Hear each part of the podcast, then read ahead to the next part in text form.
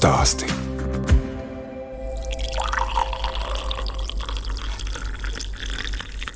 Tad tagad man būs jānogaršo tēja, bet krāsa brīnišķīga.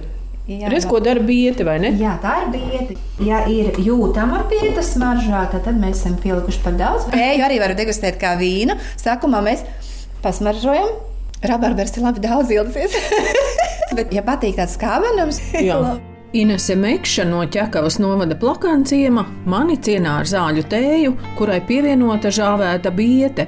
Es, Daina Zalamane, šoreiz ciemojos pie piecu bērnu mammas, kas pērnā gada nogalē plakanciemā atvēra augu namiņu, vietu, kur tiks gatavotas un degustētas tējas. Inese bērnību pavadīja Limbažu pusē, Pālē un tēva dzimtajā pusē, Latgalē. Stiprie stāsti. No sapņa uz mērķi. Spilgtākās atmiņas man ir, ka man liekas laukt govis, jo man nekad nav govs īpaši patikušas. Govs nepatika ragu dēļ. Nē, viņas bija jāslauc. Manas rokas nebija radītas slaukšanai. es tā uzskatīju vēl joprojām. Un tad es sapratu, ka augi man ir mīļāki par dzīvniekiem. Tas bija tā saucamais perestroikas laiks. Kad aicināja atgriezties savā dzimtajās vietās, un tēvs sajūta šo aicinājumu, un visi ģimene mūs aizveda uz Latviju, šķilbēlnē, upīte. Tālu, tālu, jā, jā, pie Krievijas robežas. Bet nu, tur bija savs īpašums, sava zeme, 20 hektāri meža. Un um, es atceros to pļāvu pie meža, kur daudz savaļu augu ķimenes. Tas tāds spilgtākās atmiņas no bērnības par ķimenēm un govīm. Man arī sienlaiks patika. Mēs ar brāli vācām sienu, es sēdēju piekabē, veidoju vezumu. Un viņš met augšā. Ravēšana īpaši, protams, nebija sirds lieta. Smieklīgākais bija par brāli, kā viņš ravēja. Izravēja visu tīru, skaistu smuku, es atstāju atpakaļ. Skaisti izskatās. Meža zvēri arī nāca bieži pie mājām Latvijā. Nu, bēdīgākais bija ar vilkiem. Mums bija aitas, tad bija arī paplosījuši. Nu, daba mēdz būt arī marga un skarba, ja, jo viņiem arī jāēd. Par spilgtākajām bērnības atmiņām stāsta arī Ineses dēls, 18 gadus vecais Dominiks. Govi es vēl redzēju vienu šajā pagalmā, bet arī to aizveda, kad es biju maziņš. Mammai bija gotiņa. Vecmāmiņa. Vecmāmiņa, vecmāmiņa, jā. Nu, tās spilgtākās atmiņas ir, kad tu ņēmi no opija visādus instrumentus, būvēji kaut ko un Mājiņas. jā, kokos līdām. Un, nu, arī daudz spilgti momenti ir, ka ir palīdzēts tev būvniecību. Tas vienmēr patīkami, ka teica atļauj arī ar instrumentu kādu padarboties, un tādā veidā arī daudz ir iemācīts. Mamma te atcerējās, kā nav paticis ravēt, tādus darbus jau tev tad nelika darīt. Pie arī nebija, protams, mīļākais darbs, bet nu tika izdarīts. Vienmēr par darbiņu tika arī kāds atalgojums, kādus saldumus, kabats nauda tika vairāk. Nu, ko tu ravēji kartupeļus? Tagad es neatceros, kas tur bija. Man tik ļoti neinteresēja, kas tur ir. Man vairāk bija jāizrauj tos, ka tur nav jābūt. Inese Mekša apguva Latvijā tolaik jaunu profesiju, kļuva par ergoterapeiti un piecus gadus strādāja valsts apdagumu centrā. Mans uzdevums bija izveidot ergoterapeitu praksi, slimnīcā vadīt apmācības personālam, lai viņi savus muguras nenobeidz pareizi pacientu ceļu. Kāpēc tikai pieci gadi? Jo es ātri sapratu, ka pie tāda atalgojuma nevar ne sevi pabarot, ne bērnus. Pieteicās trešais, Dominiks. un eh, mēs ar vīru padomājām, nu jā, tas tāds hobija darbs, smags, jo valsts atbilduma centrā. Tad tā mēs nolēmām, vīrs jau bija biznesā savā, un eh, ka es tomēr iešu viņam palīgos. Inese palīdzēja vīram, kurš bija uzsācis privāto biznesu pasta nozarē, vēlāk sāka savu uzņēmēju darbību medicīnas jomā un tirgoja datorus, kas palīdz sievietēm plānot auglības ciklu. Bet dzīve mainījās pēc 2008. gada krīzes. Mums bija Rīgā sava privāta māja, viņa bija uz kredīta. Un tā lielā krīze lika saprast, ka mums ir kaut kas jāmaina, jo tādas kredītas pavilkt nevarēsim. Jā, nopirkām zemi pie ezera, tas ir Krāslā, pie Drīža ezera, un vienkārši nolēmām aizbraukt padzīvot. Uz diviem gadiem aizbraucām. Dominiks arī pirmā klasīte. Tika Krāslas pamatskolā. Divus hektārus ārstnieciskās kumelītes iesējām. Izaudzējot divus hektārus kumelītes, novākt ar rokām ir gandrīz neiespējami. Dominika, cik tad tev bija gadu tajā laikā? Tā gadā es biju pirmā klase, tad man bija astoņi. Darbiņš bija interesants, jo tu apstājies uz vietas un tu griezies tā uz riņķa un vāci pa ziediņam. Un tu tur varēji nostāvēt ļoti ilgu laiku, un tu vienkārši nesaprati, no kurienes tie ziedi nāk. Jo tev ir tu lasi, lasi, bet tu nekur netiec. Nevar nolasīt. Bet šī aizbraukšana, padzīvojot pie dabas tos divus gadus, tur sajūtās šī iespēja ka var strādāt ar augiem, ka es varu veidot tējas, varu veidot ēteriskās teļas un um, dažādas citas eļļas un kosmētiskos līdzekļus, kas atbalsta sievietes tieši reproduktīvo veselību. Tā kā pasaulē gan kosmētika, gan tēja ir ļoti plaša un liela konkurence, sapratu, ka man ir nišas produkts, es gribu ļoti īpašs produkts ražot. Un tā pakāpeniski jā, nonācām līdz šim namiņam, augu mājai, līdz bioloģiskai ārstniecības auga audzēšanai. Zemi ķekavas novadā plakanciemā no vecmāmiņas mantoja Ineses vīrs Andrzejs. Padomju laikos celtās ēkas nojauca un uz vecās saimniecības ēkas pamatiem pašu spēkiem uzcēla māju. Šeit bija ļoti mitrs, zema vieta, tāpēc arī rakām dīķi. Mīsas upe, kas šeit ir netālu, viņa meta savus līkumus. Tad uh, saimniecības ēka bija vienīgā, kurai bija ļoti labi pamati, uz kuras tad varēja sākt kaut ko atjaunot. Bet, protams, viņa vēl ir jā, līdz galam jāpabeidz, jā, vēl piebūs jāuzceļ. Stiprie stāsti. Laiks mācīties, prieks saprast! Pēdējās lietas noteikti saistītas ar uzņēmēju darbību, tieši vadīšanu projektiem, kā pareizi iesniegt dokumentus sistēmās. Tagad viss taču ir elektroniski, lai tas ir korekti, gan arī visu finanšu atskaites. Es neteikšu, ka man matemātika nepatīk, man pat ļoti patīk matemātika, ja, bet grāmatvedība tas ir kaut kas cits.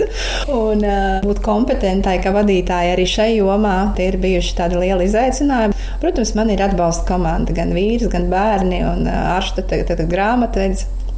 Tas tāds jaunākais, kas ir nācis klāt. Un, protams, arī prasmes, kā pareizi profesionāli formulēt tējas. Tas, ka tu intuitīvi to dari, bet lai nonāktu līdz produktam, kuru tu vari droši tirgot gala lietotājiem, jo mums tomēr ir specifisks tējas ar veselības norādēm. Stiprie stāsti. Mans ceļš un pieredze. Pērnā gada nogalē Čakavas novada plakanciemā Inese Mekša atklāja augu māju, jeb nelielu tējas ražotni ar zīmolu Femme Eko. Piecu mēnešu laikā plakanciemā uzcelta neliela koka ēka un finansējums saņemts no lauku atbalsta dienesta, kā atbalsts mazajām lauku saimniecībām. Atbalsts bija 15 tūkstoši, namiņam 13 tūkstoši. Šeit arī daudz ir ielikti mūsu pašu līdzekļu un ģimenes ceļš zēnu. Dominiks ir daudz piedalījies, lai šis namiņš būtu tā tāds, kāds viņš šobrīd ir. Dominika, un ko tad tu te palīdzēji šajā namiņā? Kopā ar ģimeni likām zemi uz jumta un šeit pa iekšu krāsošanas darbi, līstītes pielikt, grīdu nokrāsojām. Nu, redz, tad dēli būs arī daudz ko apguvuši ja, no celtniecības darbiem. Protams, bez viņiem nekā. Inese un viņas vīrs pabeiguši bioloģiskās lauksaimniecības kursus, un plakanciemā trīs hektāros audzē mežrozītes, pushektārā citus ārstniecības augus, bet Krāslavas pusē pļavās lasa augu stējām. Sezonas strādnieki šobrīd ir bijušas meitas draudzenes, kuras ļoti labprāt lasa augus. Man bija par to liels prieks, jo tās viņiem ir tomēr iespēja nopelnīt kaut ko vasarā. Nu, tas jau arī piedzīvojums, jā, aizbraukt šeit no pierīgas. Jā, tā, Latgali. Un, un Latgalē ir unikāli tas, ka tur ir tiešām īsta savvaļa, jo mums tur māja nav ar nekādām vērtībām un gulējām teltīs, kur, kurinājām ugunskura. Un tā ir sava veida romantika, ja pilsētniekam. Arī man ļoti patīk šis laiks, kad var aizbraukt. Nu, tad vesels nu, kas jums tur aug? Asiņzāle, sarkanais āboliņš ir ļoti daudz, raspodiņi, pavasarā gaļbiksītes, tā kā tur ir mālains, tur ir meža zemenes diezgan daudz un avenes ir ļoti daudz vīgriezes. Nu, protams, visi bērzi, lasdas, riedas, seglas. Augu mājā jau notikušas pirmās meistarklases tēju gatavošanā, un arī mēs gatavojam tēju, kas piemērota dzeršanai augstā laikā. Nu, pirmais man nāk prātā augstam laikam, tas ir smilcērkšķis, upenes, mežrozīte. Tās būs piedevas pamatam. Tik. Burkāni, bietes. Jā, burkāns bija. pie Jā, jā, jā, brīnišķīgi. Starp citu, biete brīnišķīga ir tējā. Viņai ir sava garša, bet ko var pielikt klāt, lai viņa notešētu? Bet viņa dod krāsu. Bieta ir žāvēta. Jā, protams, viņa ir žāvēta. Kāpēc viņa ir unikāla manā skatījumā? Ja mēs esam dzēruši sarkanās tējas, augļu, piemēram, pārsvarā to krāsu iedod hibisku ziedi. Bet viņš nav noturīgs. Bieta ir noturīga. Tā krāsa būs visu laiku. Taisam tēju. Taisam tēju. Tā ir kanniņa. Tā es jums došu karotīnu. Tad nu, asins zāle noteikti derēs gan pret stresu, gan nomierināšanai, organismu stiprināšanai.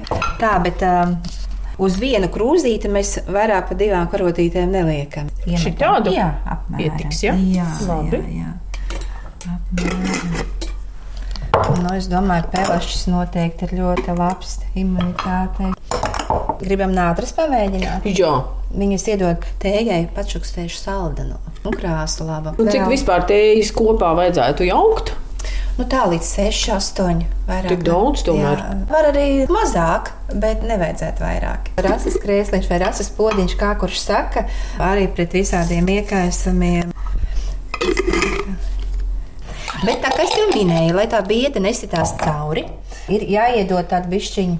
Mentolīks kaut kas vai bišķiņas skābenums, ļoti iecienīta ir ābolmētra. Citi ir vienkārši atstāja pipermētra, bet tā ir ābolmētra. Jo viņiem ir tā mētrām ļoti daudz dažādu paveidu. Jā, jā. Jā. Ir savas mazas, mazas čipsniņa. Tas ir rabarberis. Bet arī gandrīz tā kā pulveru veidā. Viņš ir samalts. Nu, ko? Vāram ūdeni. Jā, Un, jā, ļoti būtisks tēju vērot ir, kādu ūdeni mēs liekam. Mums Latvijā ir diezgan daudz kaļķēns un dzelžains. Arī mums, tāpēc no krāna mēs cenšamies neizmantot. Jo, kad pieliek dzelžaini, izmainīs garšu, nu un vāram uz 100 grādiem.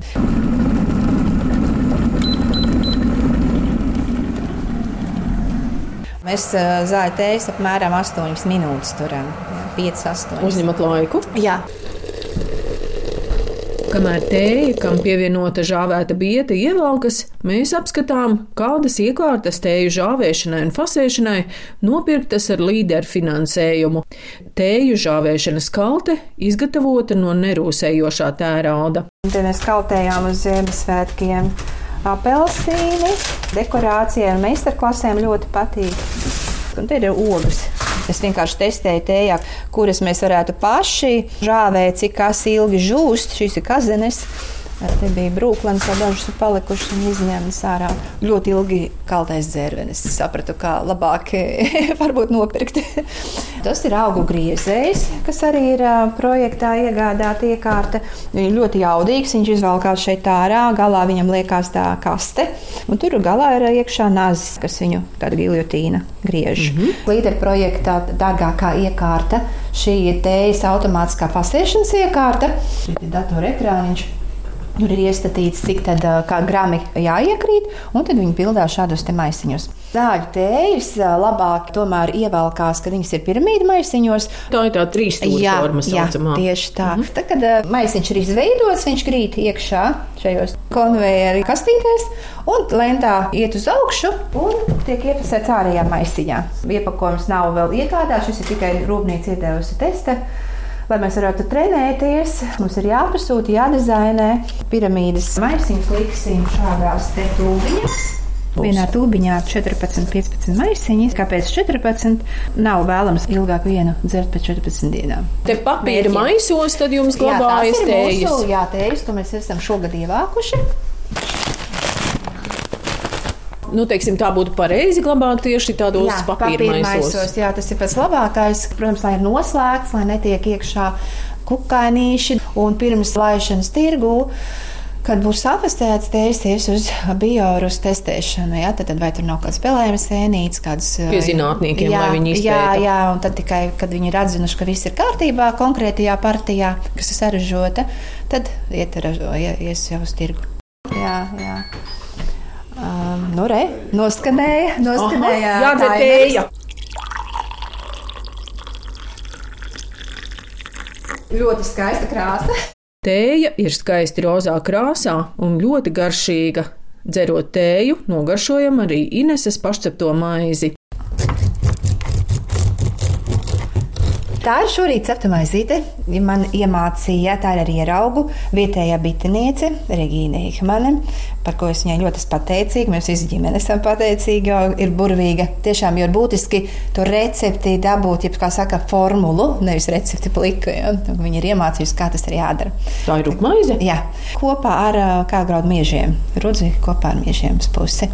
Un daudz dažādu interesantu sēkliņu šajā sēklas. Turpinām sarunu par augiem, un Inese stāsta, ka gatavo arī hidrolātus. Patiesībā ar hidrolātiem sākās mans stāsts. Bija ļoti daudz augu, kurus sāku vienkārši destilēt. Kāpēc tas divu hektāru tas kumelīts bija mērķis dabūt ēterisko eļļu laukā. Man liekas, tas ļoti interesants process. Un šis ir mazais aparātiņš, tur 50 parādīšu lielo, ar kuru mēs sākām. Tā kā ir pagājis Ziemassvētku jaungada laiks, noteikti ļoti daudzās ģimenēs mājās ir eglīte bijusi. Ko tad mēs ar šo augu, kas mums ir iepriecinājis, varam izdarīt? Man personīgi ļoti žēl ir mest viņu ārā. Tad es daru tā. Ziemassvētku eglīte man ir šajā podā. Mēs viņu apliesim ar ūdeni. 24 stundas ir jāizmērcējas, un tad tiks destilēts hidrolāts. Būs eglis hidrolāts. Ko var darīt ar hidrolātu? Var sagatavot vannai, bet arī to pašu hidrolātu mājās var uztaisīt dzīvokļos. Sevišķi ļoti būtiski, vai mājās, kur ir apkūra sausā. Hidrolātu mēs varam likt iekšā difūzerī Un šādā veidā sev telpa mitrinātu, lai viņš garo ārā un telpu bagātina ar patīkamiem aromātiem, vērtīgiem. Jā. Galvenais nav jāiet uz veikalu nekas jāpērk. Jā, un nav jāpērk kaut kādi sintētiskie, kas patiesībā kaitēja cieši reproduktīvai veselībai maziem bērniem. Nu, ārstniecības augiem droši vien tā pozitīvā iezīme tāda, ka jūs varat pārstrādāt visu gadu. Derīguma termiņš divi gadi. Sapnis ir tāds, ka mūsu tējas tomēr mēs iesim starptautiski, tas būs starptautisks uzņēmums, ka iemīļos ne tikai latviešu sievietes, bet arī pasaulē. Tam ir liels pamats ticēt, jo pieprasījums ir pēc šāda specifiskām tējām. Un, protams, vēl tāpēc arī kosmētikas līnija ķermeņa kopšanai un tādiem īpašiem gadījumiem, kā pēc dzemdībām, grūtniecības laikā. Nu, tas ārsts nekur jūsos nav pazudis. Nē, nē. Stiprie stāstī. Neuzkāp grābeklim. Es jau minēju par tām kumulītēm, ka neaprēķinājām tos apjomus. Tomēr nu jā, sēkla ir dārga un tika iesēti divi hektāri un nevarēja viņus novākt. Tā bija pirmā tāds liels grābeklis, kuru uzkāpām aiz sava entuziasma, ka vajag pamēģināt. Nu, arī tiem pašiem projektiem tad, tad nedrīkst paņemt par daudz sevi, jo, ka par daudz paņemt ātri salūst un gājas ir dažādi par šo laiku. Mums arī bija projektā pārāvums jo šķiet, ka nevarēsim tikt galā. Bet tā kā projekts mums atjaunoja, varējām visu pabeigt realizēt. Arī šo augumu? Jā, jā, jā, jā tā skaitā. Jā. Tā kā ir ļoti jāizvērtē, vai tiks galā, vai spējas to izdarīt. Ja idejas ir labas, bet ir jābūt tam resursam, to izdarīt līdz galam, sasniegt tos rādītājus. Tas nav viegli. Stiprie stāsti par spēku un iedvesmu. Inese Mekša pērnā gada nogalē Čakavas novada plakanciemā izveidoja augu māju un tēju ražotni. Kopā ar vīru Andžeju viņa audzina piecus bērnus un vispirms stāsta par vecāko dēlu Edvardu, kam šobrīd ir 22 gadi. Edvards viņam patīk mācīties, viņš ļoti labi pārvalda angļu valodu, darbojas ar programmēšanu, aizraujās ar psiholoģiju. Viņa arī ir uzņēmēja gars iekšā. Viņš ir vidusskolā jau pamēģināja uzņēmēju darbību pakluso no mums ļoti veiksmīgi. Bernards eh, studē starptautisko biznesu.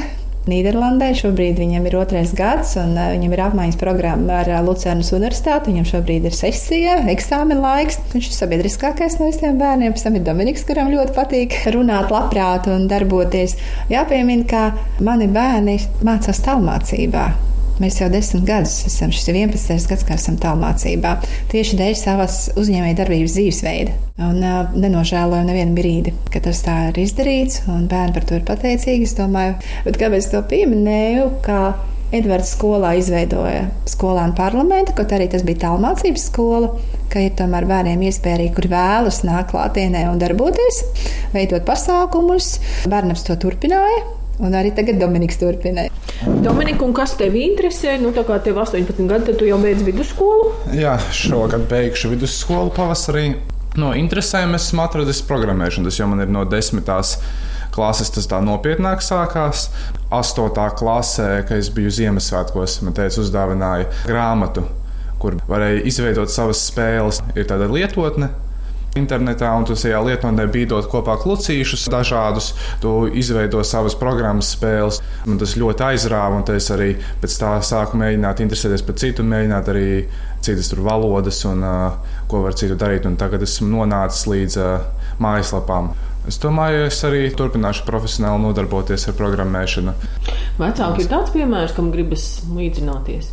Es teiktu, noteikti, jā. Ines, tik patīkami dzirdēt, vai ne? Jā, protams. Man jau tagad ir 18. Es pats ar savu lielāko brāli Edvardu.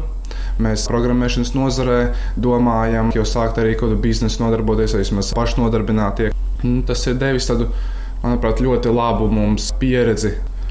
Pašlaik mēs izstrādājam mājaslapas, dizainu, programmējam viņus no nulles. Klienti pašlaik nav, ja neskaita mūsu vecākus, mēs mūsu vecākiem. Bet viņiem ir nopietni uzdevumi iedot. Tā kā tu veido no nulles, protams, ir daudz lietiņas, ko tu vari pielikt klāt, kas padara uzreiz to mājaslapu tādu stipri unikālāku, ka uzreiz klients atcerās, ka viņš tur ir iegājis. Jo tagad jau tikai caur mājaslapām vien mēs staigājam. Un, ja neskaidro tur krāsas vai kādu fontu, viņas ir ļoti, ļoti līdzīgas patiesībā. Ir, mm. Tad ir tā vajadzība pēc tās ekstra nianses, ir, manuprāt, ļoti svarīga. Jā, nu, mammai būs noteikti kaut kas tāds ļoti mākslinieks, tējas un Nezinu, ko skaisti. Jā, nu, kaut kas skaists noteikti jā, būs, jā. vai ne? Jā. Un tētim tad tur pasta kaut kādas iekārtas. Tētim tagad tas pasta iekārtas tiek pārnesas vairāk uz uh, internetu. Ir arī vajadzīga tā visa funkcionālā daļa, kas tēta pusē ļoti svarīga būs. Un tad mēs ar to nodarbosimies nākamos mēnešus. Šajos laikos nemaz tik bieži negadās, ka ir tik daudz brāļu un māsas. Tev ir divi vecāki brāļi un jaunāka māsa un brālis. Jā. Tev iznāca arī viņus pieskatīt. Viņš ļoti labi auklīte. Viņai ir labs tevišķis potenciāls. Viņš jau maziņš bija tāds ļoti gādīgs un rūpīgs. Viņš izprata, ko tam mazajam vajag. Tā kā tu to māsiņu tur auklēji, ja, kā mamma teica, nu kāda tad ir Viktorija? Viktorija mums ir vislīdzīgākā tētim. Ļoti atsīga, manīga. No viņas noslēpt kaut ko ļoti grūti. Mazs izmeklētājs. Pašlaik tāds, ko viņa mēģina pētīt, ir digitālais dizains, kaut ko arī ar dizaina lietām.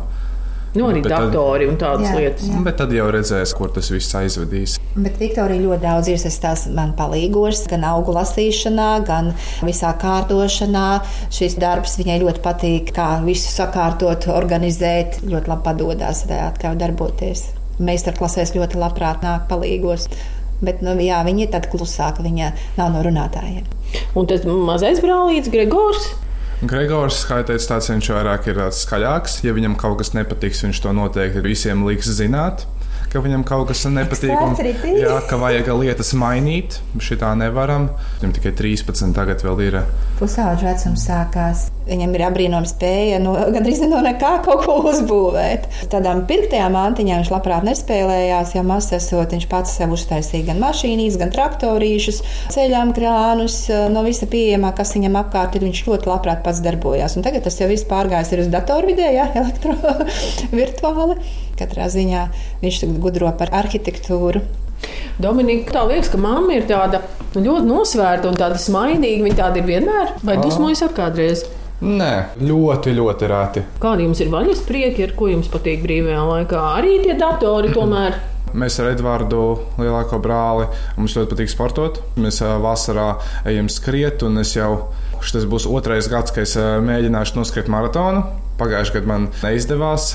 40 km. 42 km. Jā, es noskrēju pagājušajā gadā pusīti no tā ļoti veiksmīgi. Tad šogad ir mēģināts tikt līdz 42. Man personīgi arī ļoti interesē uzturs. Ēst veselīgi. Ja? Jā, pašlaik mēs ļoti izvairamies no cukura.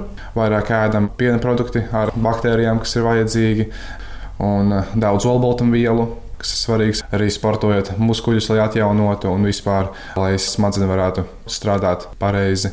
Inese, kādi jums pašai ir vaļas prieki? Parfumērija laikam jāpiemina dabiskā parfumērija. Es esmu pabeigusi dabisko parfumēru skolu. Veselu gadu mācījos, un zināmā mērā arī šis namiņš deva tādu lielu impulsu ka vajag to darīt profesionāli, jo tas ir dārgs vaļas prieks. Jo tas ir apbrīnojami vienkārši kā liekot dažādus augus kopā, kā viņi spēlējās, kas tur sanāk. Tas ir gandrīz nu, neparedzami, jo tas ir ļoti radošs process un interesants. Un cilvēkiem smaržas ļoti spēcīgi strādā. Svarīgi ņemt vērā dažādus aspektus. Ir liels prieks, ka tu vari uzradīt kaut ko tādu, kas viņiem patīk. Ķekavas novada mežnieku apkaime ir viedais ciems, un tas nozīmē, ka liela nozīme ir kaimiņu sadarbībai. Mēs esam tuvu Rīgai, bet ar lieliem meža masīviem, jo šeit ir daudz Latvijas valsts meža. Tev ir daudz skaisti ceļi, pa kuriem var pastaigāties. Zēni ļoti daudz skrien, es arī mēdzu paskriet, kad ir siltāks laiks. Ir riteņiem var braukāt. Tā kā šeit ir ļoti īpaši skaista vieta. Tuvu Rīgai. Bet, nu, sajūta kā laukos, vai jā, ne? Jā. Nejūta ne tos kaimiņus ne to nu, pilsētas. Tas arī ir viedā ciema unikalitāte, kāpēc viņš izveidojās. Jā, viedais ciems. Tas nozīmē to, ka paši iedzīvotāji sanāk kopā un nolēma, kas viņiem ir svarīgi, kā viņi grib, lai šī apkārt attīstās. Šim mērķim tika izveidota biedrība Mežnieku apgājuma attīstībā. Es arī piedalījos viņas izveidē un plānu izstrādē, tad mēs zinām, ko mēs gribam un uz ko mēs ejam. Tāpēc ir viedais ciems tika piesaistīti finansējums, projekti, mājaslapa mums sava. Sociālie tīkli. Tad mēs cenšamies dalīties un stāstīt viens par otru, lai labprāt cilvēki brauc. Un, protams, uz dabas zirgiem ļoti labprāt brauc cilvēki. Galvenais jau līga izstāsta, kā par tiem zirgiem ir jārūpējas. Nu, tas ir fantastiski.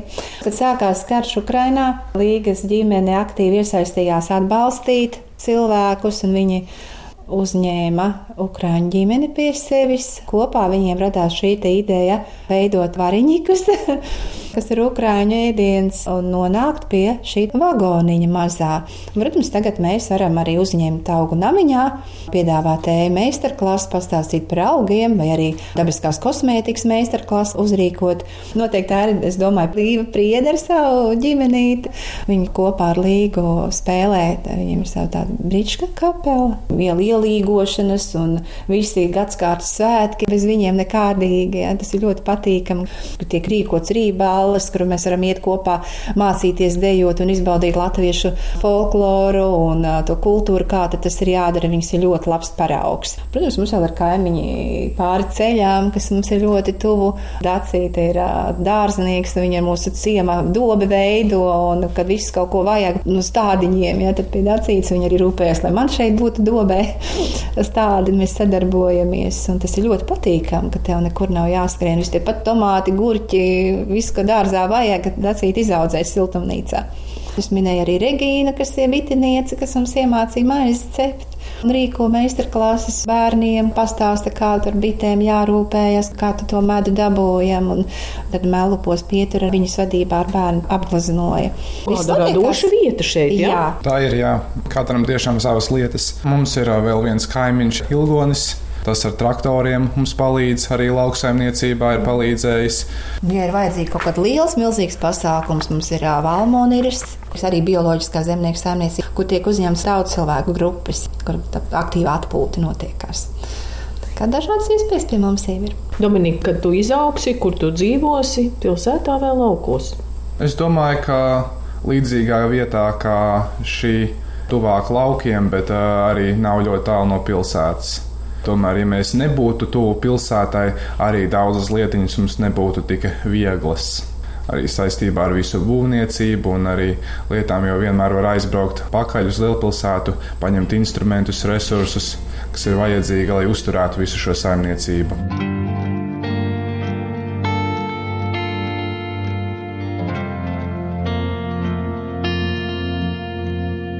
Radījumā stipri stāsti tikāmies ar Inasu Mekšu, kas bērnu ķekavas novada plakanciemā izveidoja augu namiņu un gatavo tējas sieviešu veselībai, un ar vienu no viņas pieciem bērniem, dēlu Dominiku, kam interesē informāciju tehnoloģiju nozare. Raidījumu veidoja Dāna Zalmane, montēja Inga Bēdele. Uz tikšanos!